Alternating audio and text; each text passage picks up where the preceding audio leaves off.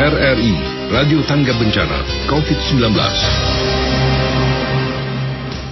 Selamat pagi dan salam jumpa. Saya Melani Starto masih berada di Pro 1 RRI Bogor. RRI merupakan radio tanggap bencana COVID-19 atau COVID-19 yang terus menyampaikan informasi mengenai COVID-19 baik dari juru bicara atau satuan tugas pemerintah untuk penanganan COVID-19 dan juga nanti kami akan menghadirkan isu-isu yang berada di Bogor terkait dengan penanganan COVID-19.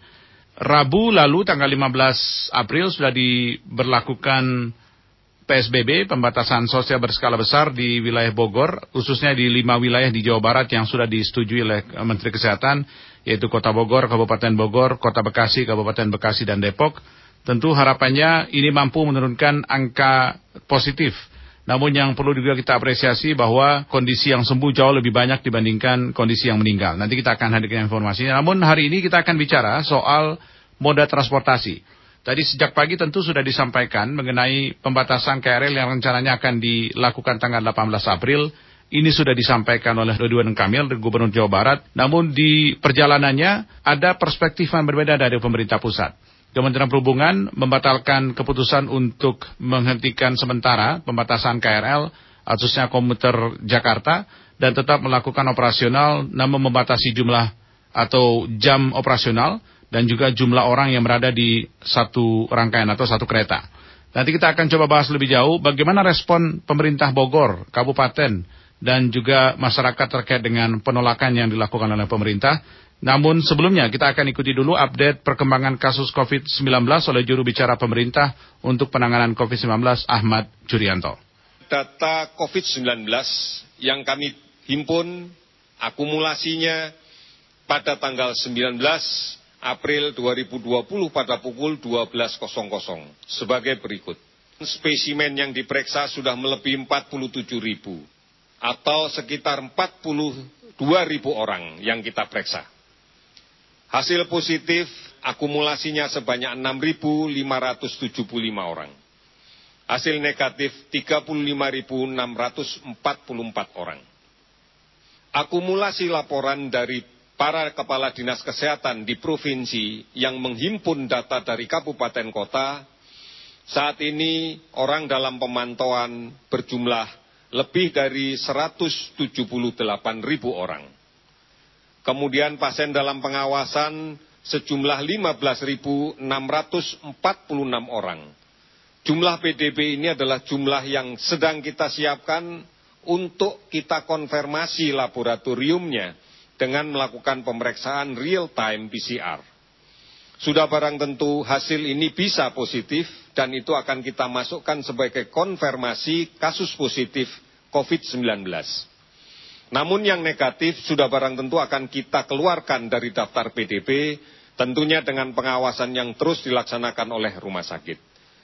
Konfirmasi COVID-19 adalah 6.575 orang dari kasus konfirmasi yang positif kita dapatkan sembuh 686 orang.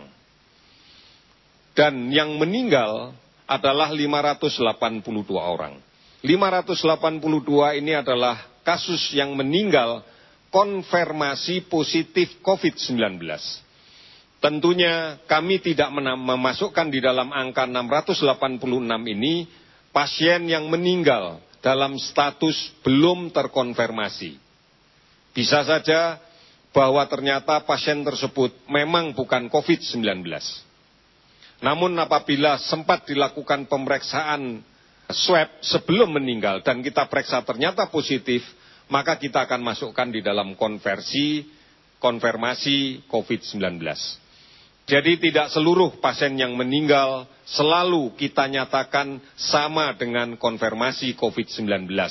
Sehingga kemudian dijumlahkan. Karena kita hanya akan melaporkan kasus meninggal konfirmasi positif. Provinsi terdampak seluruhnya sudah terdampak. Kabupaten kota terdampak ada 250 kabupaten kota. Kalau kita lihat sebaran dari pasien sembuh, kita bersyukur bahwa semakin bertambah. DKI Jakarta 234, Jawa Timur 98, Jawa Tengah 51, Jawa Barat 45, Sulawesi 43. Sehingga total keseluruhan kasus adalah 686 pasien sembuh. Saudara-saudara, secara rinci dapat kami sampaikan sebagai berikut. Pada hari ini bertambah kasus konfirmasi positif sebanyak 327 orang sehingga total menjadi 6.575. Ada 55 pasien yang sembuh, sehingga total menjadi 686. Kriteria sembuh ini adalah sembuh berdasarkan hasil laboratorium dua kali berturut-turut negatif dan keluhan klinis sudah tidak ada lagi. Ini acuan untuk menentukan pasien COVID-19 terkonfirmasi positif yang dinyatakan sembuh. Kemudian ada 47 yang meninggal sehingga jumlahnya menjadi 582. Saudara-saudara, mari kita berpartisipasi secara aktif dalam penanganan COVID-19 di tahap pra rumah sakit dengan memutuskan penularan COVID-19. Pastikan kita tidak tertular dan kita tidak menulari. Tetap tinggal di rumah. Mari kita sebarluaskan dengan melaksanakan pelaksanaan penunggangan masker. Maskerku melindungi kamu, maskermu melindungi aku. Hargai dan bantu mereka yang melaksanakan isolasi mandiri. Jangan mendiskriminasikan pasien COVID-19 yang telah sembuh keberhasilan membendung penularan COVID-19 akan sangat mempengaruhi beban perawatan di rumah sakit. Akan sangat mempengaruhi beban perawatan di rumah sakit. Semakin banyak pasien yang dirawat akan semakin berat beban kita untuk menurunkan jumlah yang sakit dan yang meninggal karena COVID. Oleh karena itu, saudara-saudara sekalian, mari kita lawan COVID dengan tingkatkan imunitas diri kita. Makan yang bergizi, sabar dan tenang, istirahat yang cukup dan teratur, tidak panik, dan jaga perasaan kita tetap bergembira. Jaga jarak, pakai masker, jangan menyentuh mata, hidung, mulut sebelum mencuci tangan, pakai sabun dengan air yang mengalir. Gotong royong dan bersatu melawan COVID, dari pusat sampai ke desa, sampai ke RT, RW, sampai keluarga. Tetap di rumah, produktif di rumah. Waspadai ancaman demam berdarah. Karena pada bulan-bulan ini kita akan berhadapan dengan peningkatan kasus demam berdarah. Lakukan pemberantasan sarang nyamuk di rumah kita. Lakukan bersama keluarga untuk menguras, membersihkan tempat penampungan air menutup tempat penampungan air, menyingkirkan dan membuang atau mendaur ulang barang-barang bekas yang dapat menjadi tampungan air. Mari jadi teladan untuk menyelamatkan keluarga, menyelamatkan tetangga, menyelamatkan lingkungan, dan menyelamatkan bangsa. Kita yakin Indonesia, kita pasti bisa. Demikian keterangan pers yang disampaikan Pak Ahmad Jurianto, juru bicara pemerintah penanganan COVID-19. Kita kembali ke uh, permasalahan yang akan kita bahas di pagi ini. Ini soal usulan untuk menghentikan operasional KRL komuter Jabodetabek yang disampaikan lima kepala daerah plus Jakarta. Dan ini juga disampaikan oleh Ade Yasin, Bupati Bogor yang menyatakan kekeh untuk stop KRL. Tapi pemerintah pusat punya pertimbangan lain soal itu dan ini didasarkan kalau di wilayah Kabupaten Bogor karena zona merah di Bogor semakin meluas. Kondisi ini yang dijadikan alasan oleh Bupati Bogor untuk kekeh untuk stop operasional kereta komuter Jabodetabek atau KRL. Untuk itu saya sudah bersama dengan juru bicara Kementerian Perhubungan Republik Indonesia di line telepon. Saya bersama dengan Ibu Adita Ariwati. Bu Dita, selamat pagi Bu Dita. Selamat pagi. Selamat pagi, saya Maulana di RRI. Terima kasih sudah bersama kami. Kami ingin konfirmasi aja soal apa pertimbangan pemerintah, Bu Dita, untuk tetap mengoperasionalkan kereta komuter Jabodetabek walaupun sudah ada usulan dari 5 plus Jakarta berarti 6 untuk menghentikan sementara selama dua minggu operasional KRL Jabodetabek, Bu Dita. Ya, baik. Yang pertama uh, adalah karena memang masih ada uh, apa anggota masyarakat yang memang harus pergi bekerja karena bekerja di sektor-sektor yang uh, dikecualikan ya. Kita tahu ada tenaga kesehatan, ada tenaga keuangan, kemudian logistik dan juga industri-industri strategis ya yang memang masih tetap harus beraktivitas dan itu diperbolehkan dalam pedoman PSBB. Uh, kemudian yang kedua juga kita melihat bahwa uh, tren penumpang sejak minggu yang lalu dari data yang kami catat itu tren penumpang KRL memang mengalami penurunan yang uh, cukup signifikan dari hari ke hari. Uh, bisa di apa bisa bisa jadi ini kemungkinan dari sudah mulai diterapkannya PSBB di DKI maupun juga uh, sudah mulai juga mulai Sabtu kemarin di uh, daerah penyangga. Jadi uh, kami melihat bahwa kebutuhannya masih ada dan ini memang perlu dilayani. Uh, di sisi lain tren penumpang juga makin menurun.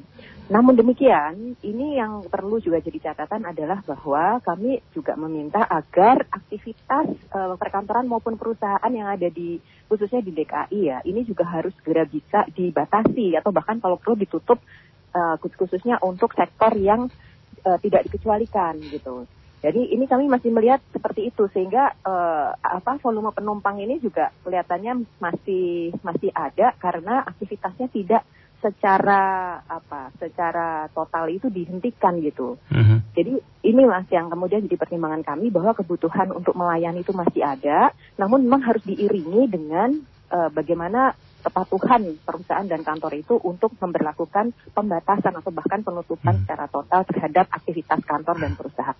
Yang tadi disampaikan bahwa uh, artinya bahwa memang ada pengurangan jumlah penumpang, tapi yang menjadi pertimbangan juga Budita adalah soal ada jam-jam tertentu yang memang jumlah penumpangnya memang sangat padat, Bu. Sehingga ya. penumpukan ya. tidak di dalam keretanya, tidak di dalam gerbong kereta, tetapi penumpukan berada di stasiun keretanya. Nah, itu bagaimana, Bu Dita?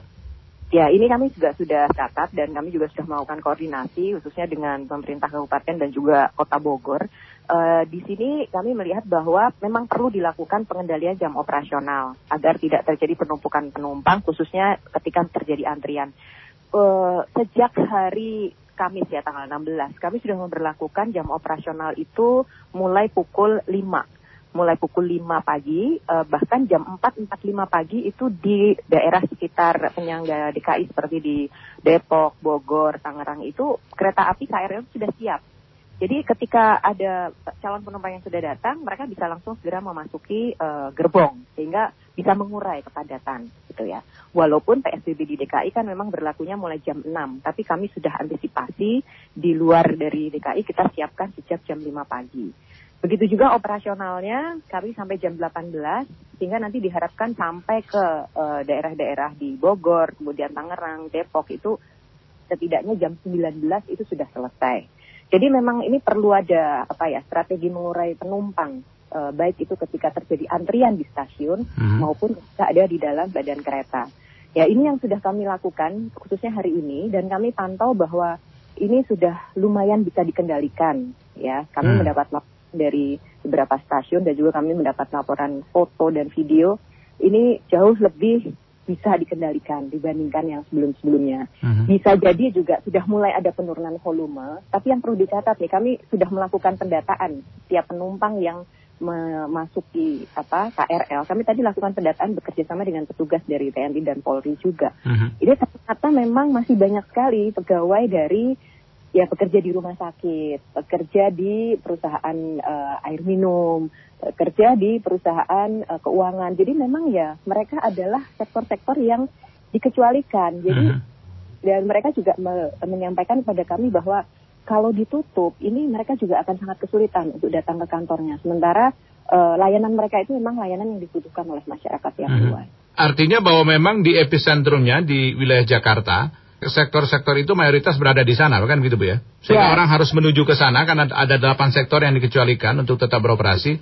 Tetapi masalahnya mereka yang bekerja di Jakarta punya uh, tempat tinggal di wilayah penyangga Jakarta. Itu yang membuat uh, kepadatan masih tetap berlangsung. Ya. Ya, kami juga sudah melakukan, melakukan pendataan. Umumnya memang demikian. Jadi uh, wilayah kerja mereka ada di DKI, sementara mereka tinggal ada di sekitar di daerah penyangga. Jadi uh, inilah yang kami identifikasi dan rasanya memang kebutuhannya masih ada. Hmm. Yang penting adalah memang bisa dikendalikan dan di dalam stasiun maupun di dalam kereta tetap bisa dilakukan jaga jarak. Karena ini kan prinsip utamanya kita kan ingin sama-sama mencegah penyebaran COVID-19 hmm. ya. Hmm. Dan sesuai juga dengan aturan yang ditetapkan oleh Kementerian Kesehatan, prinsipnya adalah jaga jarak dan menggunakan masker serta selalu jaga kebersihan. Jadi prinsip-prinsip ini yang kami juga ingin tetap bisa dilakukan gitu oleh penumpang maupun juga ketika ada di dalam moda transportasi. Mm -hmm, Oke, okay. tapi ada beberapa kepala daerah di wilayah Bodetabek tentunya, uh, Bu Ade Yasin misalnya di wilayah Kabupaten Bogor yang tetap kekeh untuk stop KRL. Apa itu tidak memang menjadi tetap akan di stop tapi dua minggu aja gitu sehingga dilihat apakah memang signifikansi ada penurunan jumlah positif dan lain-lain karena dikhawatirkan di wilayah Kabupaten Bogor zona merahnya semakin bertambah dua kali lipat misalnya. Itu apa itu tidak menjadi pertimbangan lebih dibanding pertimbangan lainnya, Bu Dita? Menurut pemerintah gitu tentu? Iya, ini kita perlu sadari bahwa da daerah Jabodetabek ini kan daerah yang mau tidak mau nih harus terintegrasi ya, Mas ya. Jadi memang uh, ini unik memang karakteristik jadi Jabodetabek kan. Mm -hmm. Lalu lintas orang bisa sangat mudah dan apa batas-batas wilayah geografis ini kan tidak seperti wilayah lainnya. Hmm. Karakteristiknya sangat berbeda. Lalu lintas orang juga secara harian bisa melewati kabupaten, melewati kota dan sebagainya. Jadi uh, keputusan ini memang seharusnya terintegrasi gitu ya. Kami juga akan sulit kalau kemudian ini hanya dari uh, satu kota ke dan kabupaten masing-masing untuk mengusulkan ini. Namun demikian begini Mas kami sebenarnya menerima dan sangat memperhatikan masukan dari khususnya Ibu Ade ya Bupati Bogor. Iya. Kami sangat memperhatikan itu dan yang perlu dicatat adalah bahwa situasi pandemik ini kan memang dinamis ya. Uh -huh. Bisa terjadi perubahan dari waktu ke waktu. Ya kami selalu akan melakukan evaluasi dan kajian setiap hari.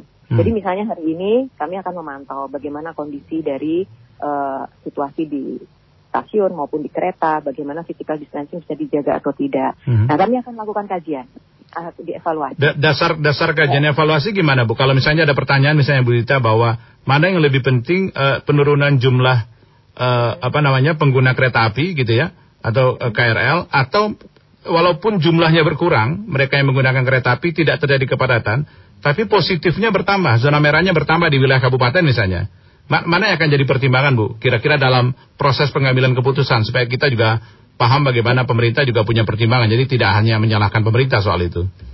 Ya, yang pertama uh, kita bicara meluasnya pandemik atau kemudian uh, makin banyak yang terinfeksi atau tidak, ini memang saya harus akui itu uh, di luar kewenangan dari uh, transportasi, mm -hmm, ya, mm -hmm. itu harus diputuskan secara bersama oleh pemerintah, ya Pak, ya Mas ya. Yeah. Jadi memang tidak bisa kami kemudian mengatakan yang penting yang mana, tetapi kami dari sektor transportasi ini kan uh, tugas utamanya melayani transportasi masyarakat. Yeah. Lalu apa yang bisa dilakukan oleh transportasi ini ya tentunya kita melakukan pengendalian dan menerapkan protokol-protokol kesehatan. Mm -hmm.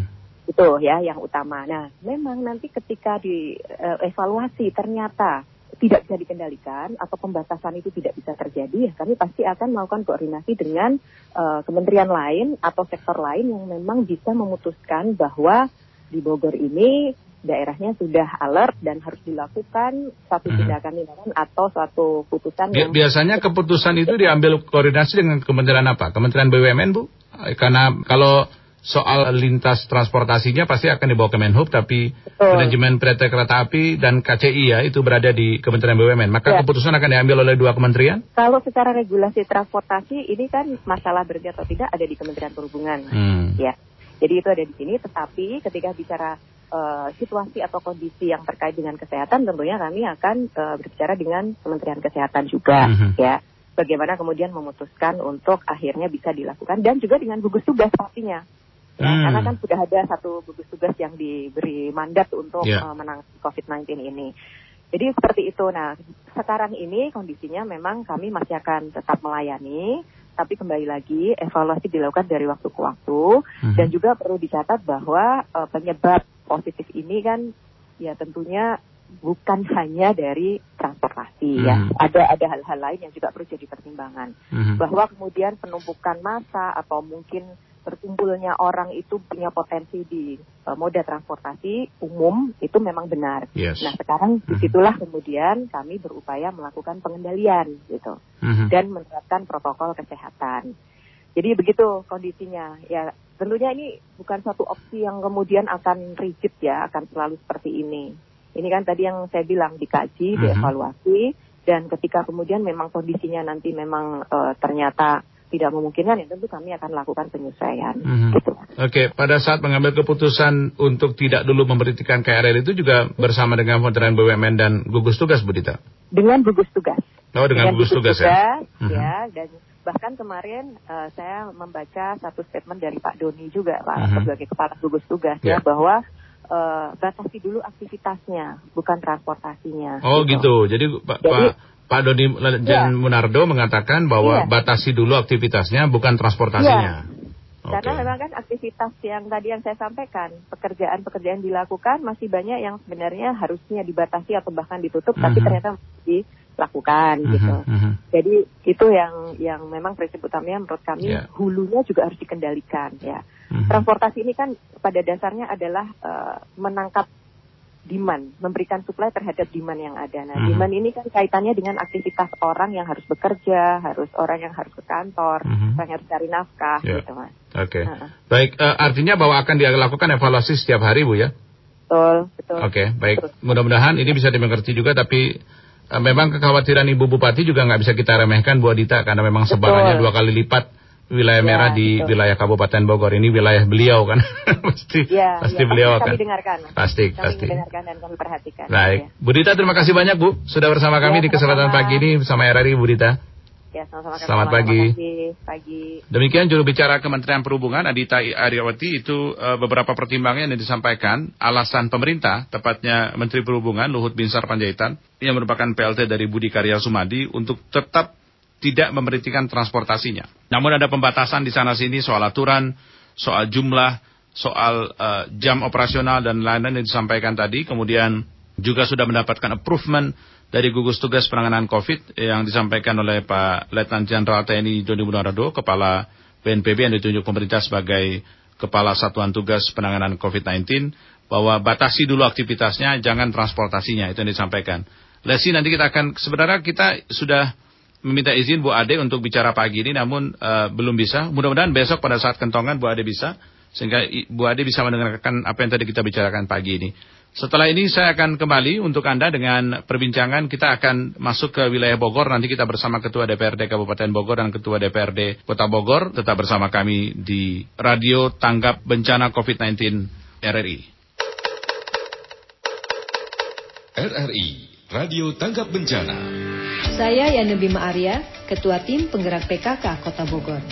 Mari bersama RRI, Radio Tanggap Bencana COVID-19.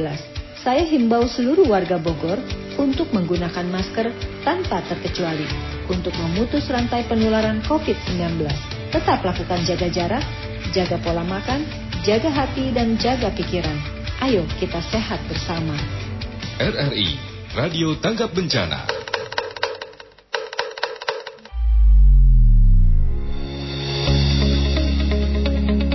Pandemi COVID-19 telah menuntut banyak perubahan dalam keseharian kita.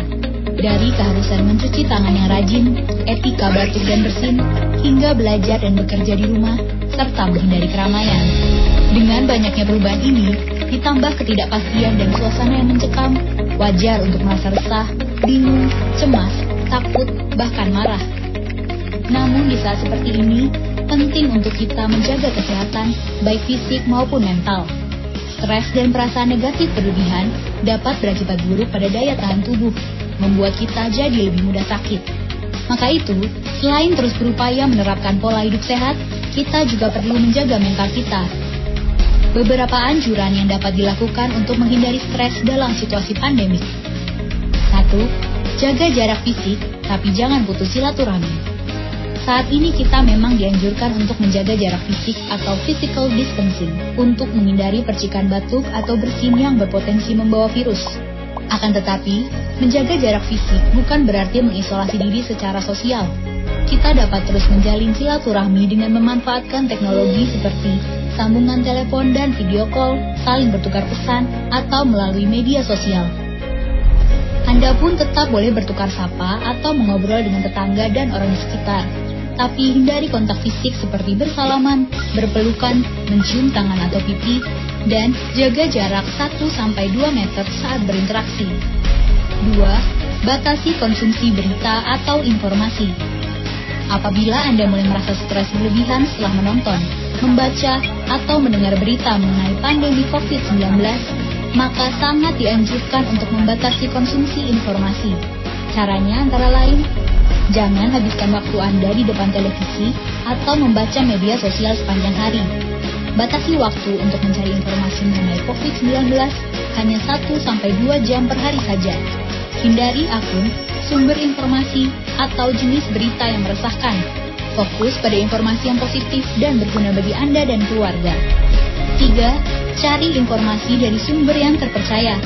Utamakan sumber yang memang memiliki otoritas dalam permasalahan ini. Agar tidak termakan hoax, berita bohong, atau misinformasi yang menyesatkan, upayakan untuk selalu mengecek informasi yang Anda dapatkan pada sumber terpercaya. Misalnya, website resmi gugus tugas COVID-19, website resmi penanggulangan COVID-19 milik Pemda setempat, atau hotline center corona.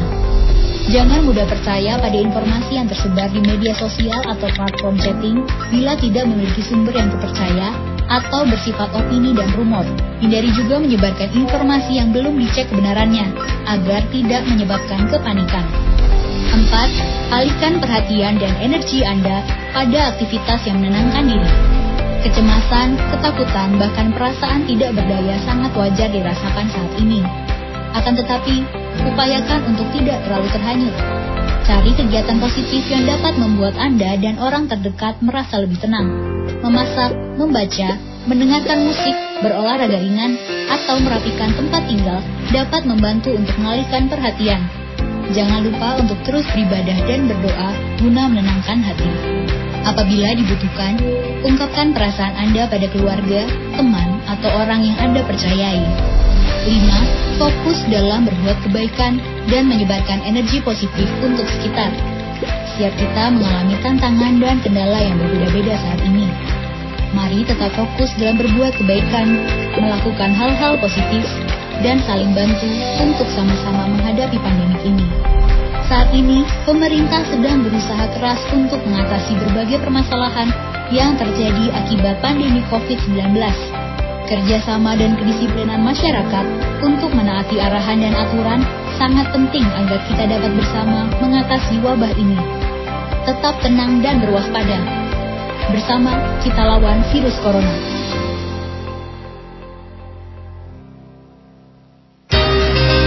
RRI Radio Tangga Bencana COVID-19.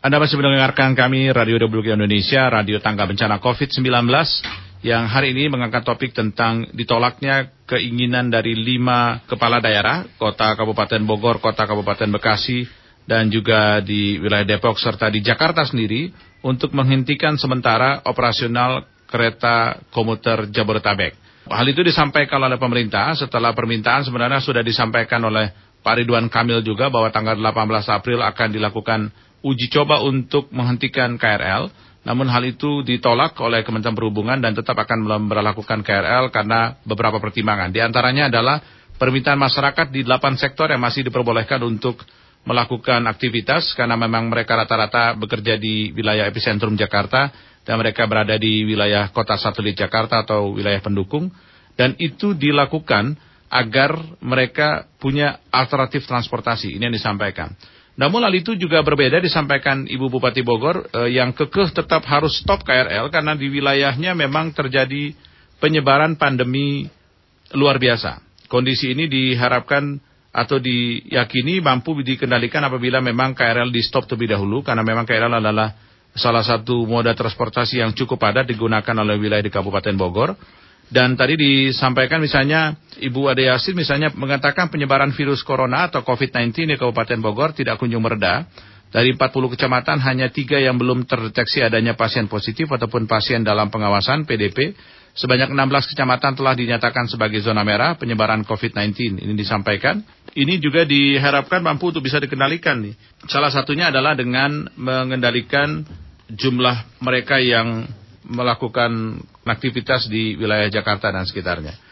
Baik, kami akan berusaha untuk menghubungi stakeholder di wilayah kota dan kabupaten untuk bisa menanyakan karena Bu Ade tetap kekeh untuk bisa menghentikan KRL. Sebenarnya Pak Deddy Rahim juga kekeh ingin menghentikan KRL uh, eh, sementara dan tidak lama sebenarnya hanya dua minggu saja KRL itu dihentikan.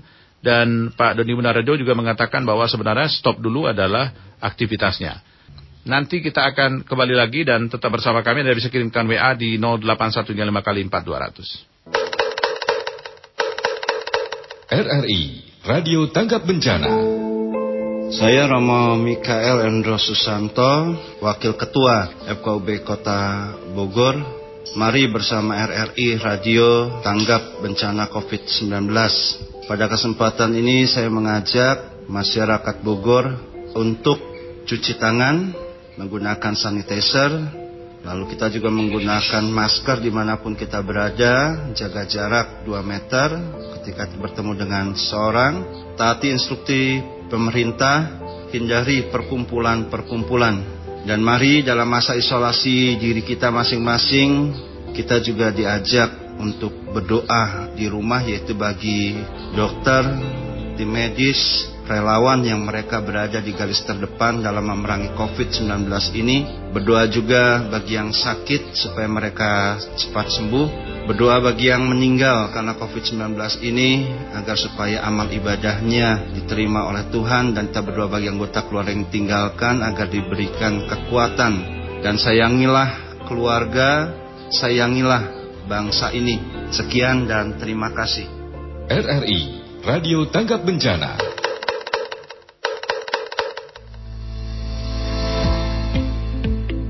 Virus corona memang begitu mudah menular dan menyebar. Setiap kita bisa ikut mencegah dan mengurangi penyebarannya melalui social distancing. Apakah social distancing? Social distancing adalah tindakan untuk mengurangi kontak dengan orang lain dan menghindari melakukan kegiatan di keramaian. Bagaimana bentuk social distancing yang perlu dilakukan? Beberapa anjuran utama antara lain menghindari keramaian, misalnya situasi, kegiatan, atau acara besar yang dihadiri orang banyak dan berdesakan. Mengurangi menggunakan transportasi publik dan belajar atau bekerja di rumah untuk sementara waktu. Bagaimana bila tidak memungkinkan melakukan social distancing? Dalam semua keterbatasan, kita semua tetap dapat melakukan social distancing walaupun terpaksa berkegiatan di luar rumah. Siapa pun yang baru datang dari negara terpapar COVID-19 atau bila kita menunjukkan gejala sakit, disarankan untuk tidak keluar rumah selama 14 hari atau self quarantine atau segera cari bantuan medis.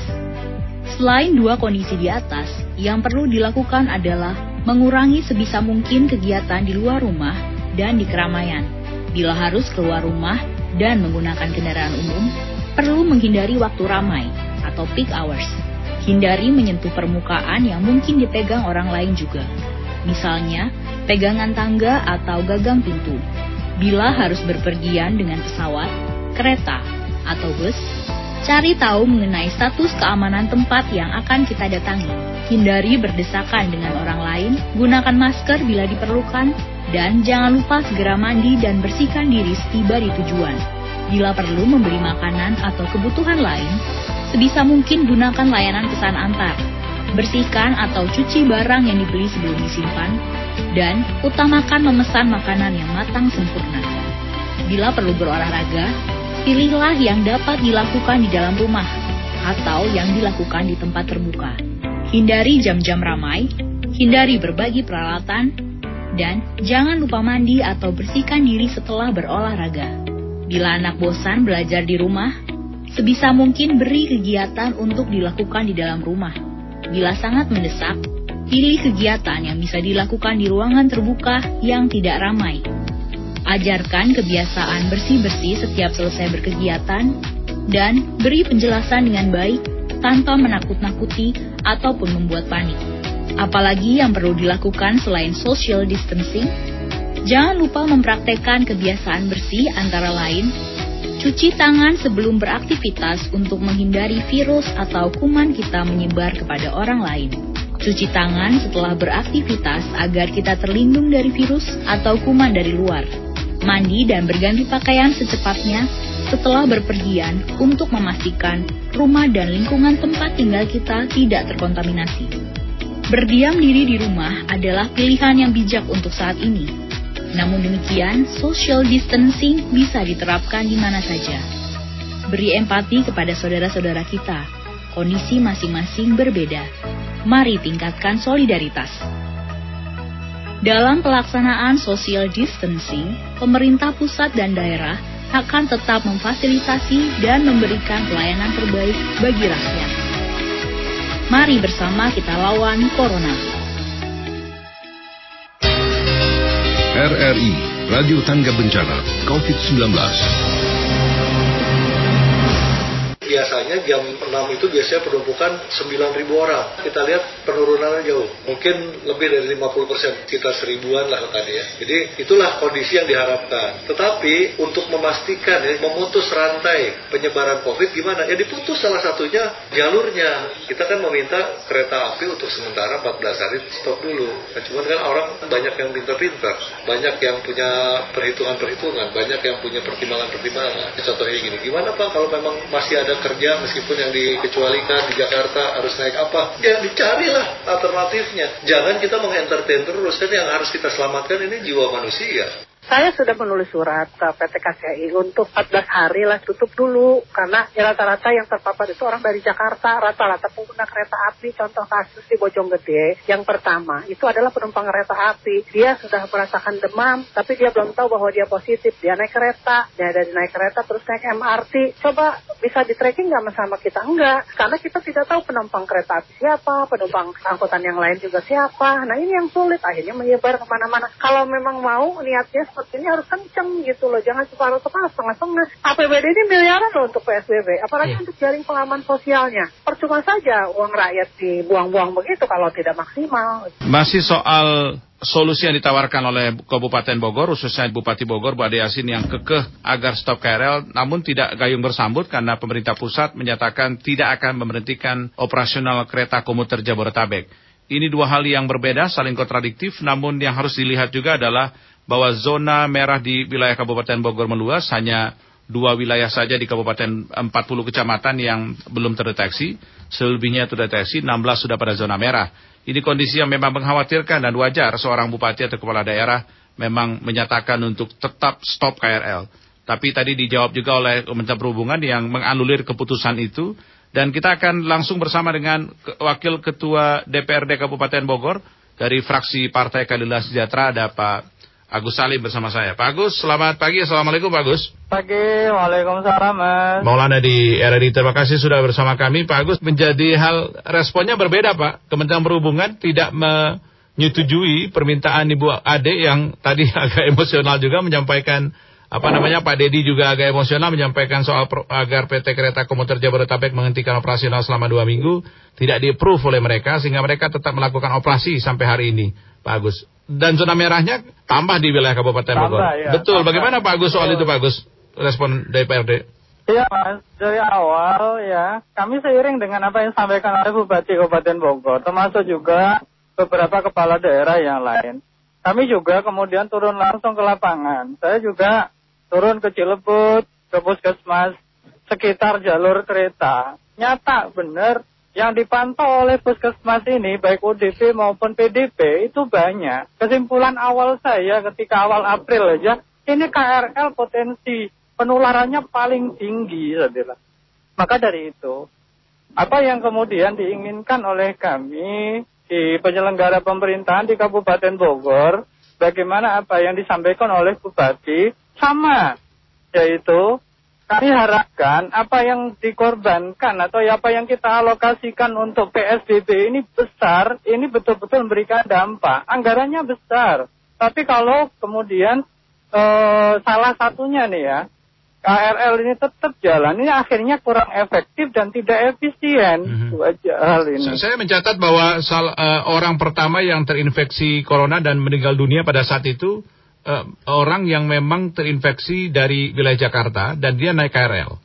Di- ini Benar. betul, artinya bahwa memang sangat beralasan Ibu Bupati dan mungkin stakeholder bersama DPRD Pak Agus dan lain-lain untuk menolak keras agar eh, KRL berhenti beroperasi. Namun apa yang akan dila- dilakukan selanjutnya Pak Agus? Karena memang Kementerian Perhubungan tetap kekeh juga untuk tetap karena dan kabarnya sudah dapat izin dari gugus tugas yang disampaikan Pak Doni gini, menurut Bu Adita Irawati ya, juru bicara Kementerian Iya. Perhubungan, bahwa yang salah itu bukan transportasinya, stop aktivitasnya, transportasi jalan terus. Gimana menurut Anda soal itu?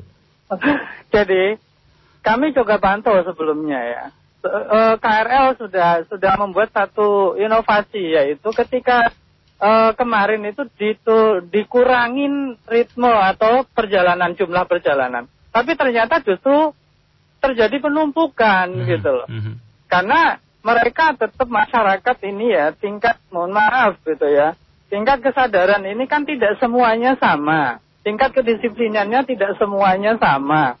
Penyadaran kita terhadap masyarakat itu nggak kurang-kurang, tapi harus dibarengin dengan kebijakan supaya ini betul-betul maksimal.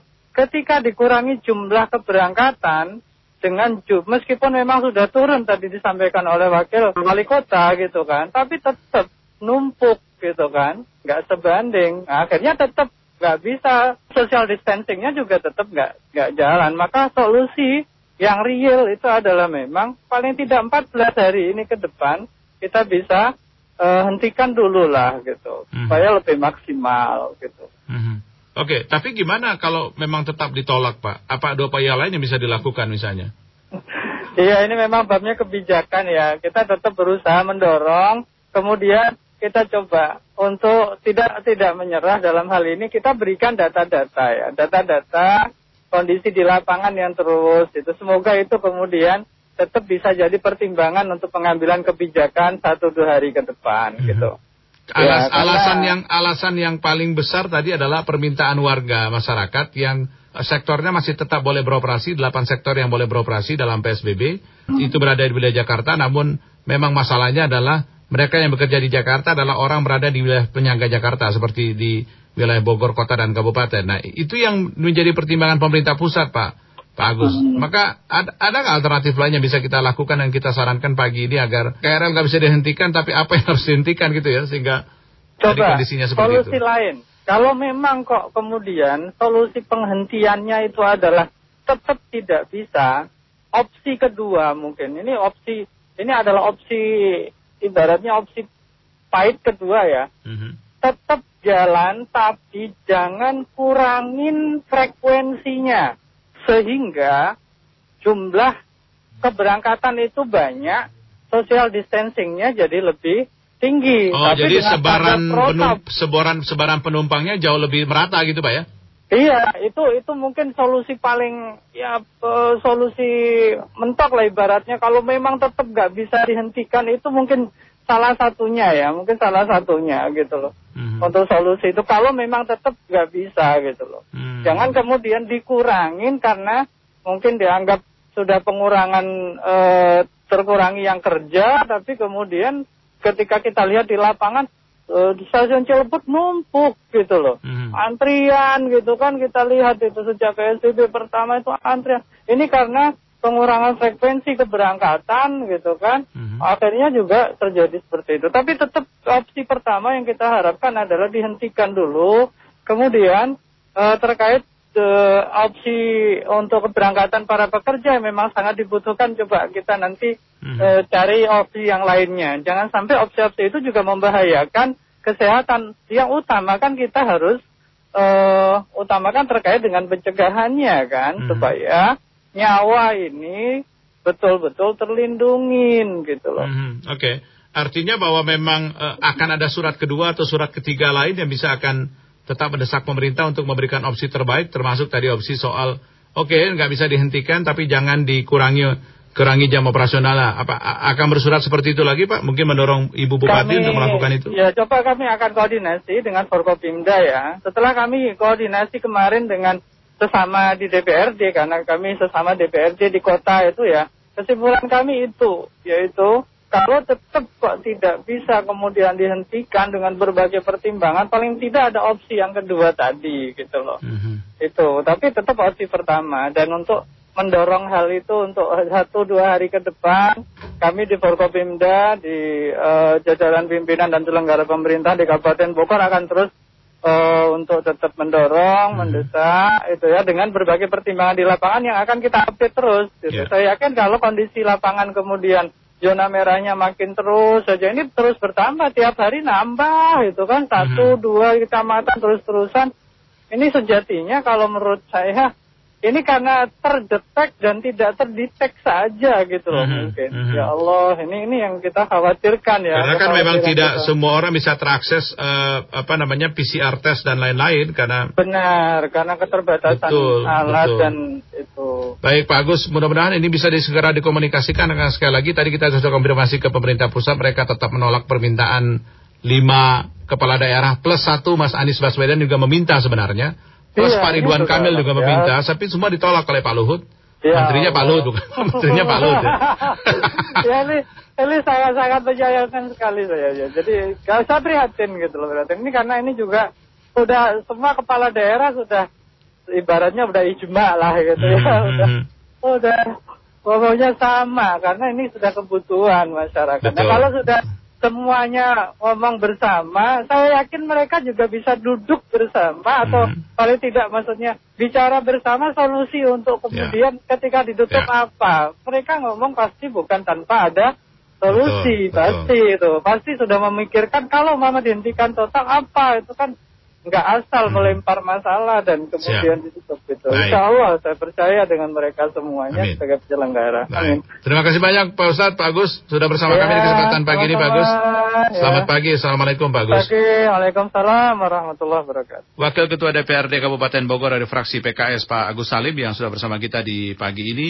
Ini adalah tanggapan-tanggapan soal ditolaknya permintaan lima kepala daerah termasuk Pak Anies Baswedan di wilayah Jakarta berarti enam plus Pak Ridwan Kamil di Gubernur Jawa Barat berarti tujuh yang meminta KRL stop dioperasikan di wilayah Jakarta, Bogor, Depok, Tangerang dan Bekasi dan kita akan tunggu saja perkembangannya. Sebenarnya kita ingin confirm mudah-mudahan kita besok bersama Bu Ade Yasin dan juga Pak Dedi Rahim untuk bisa menyatakan sikapnya terkait dengan penolakan yang disampaikan oleh pemerintah pusat.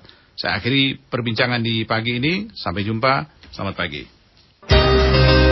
RRI Radio Tangga Bencana COVID-19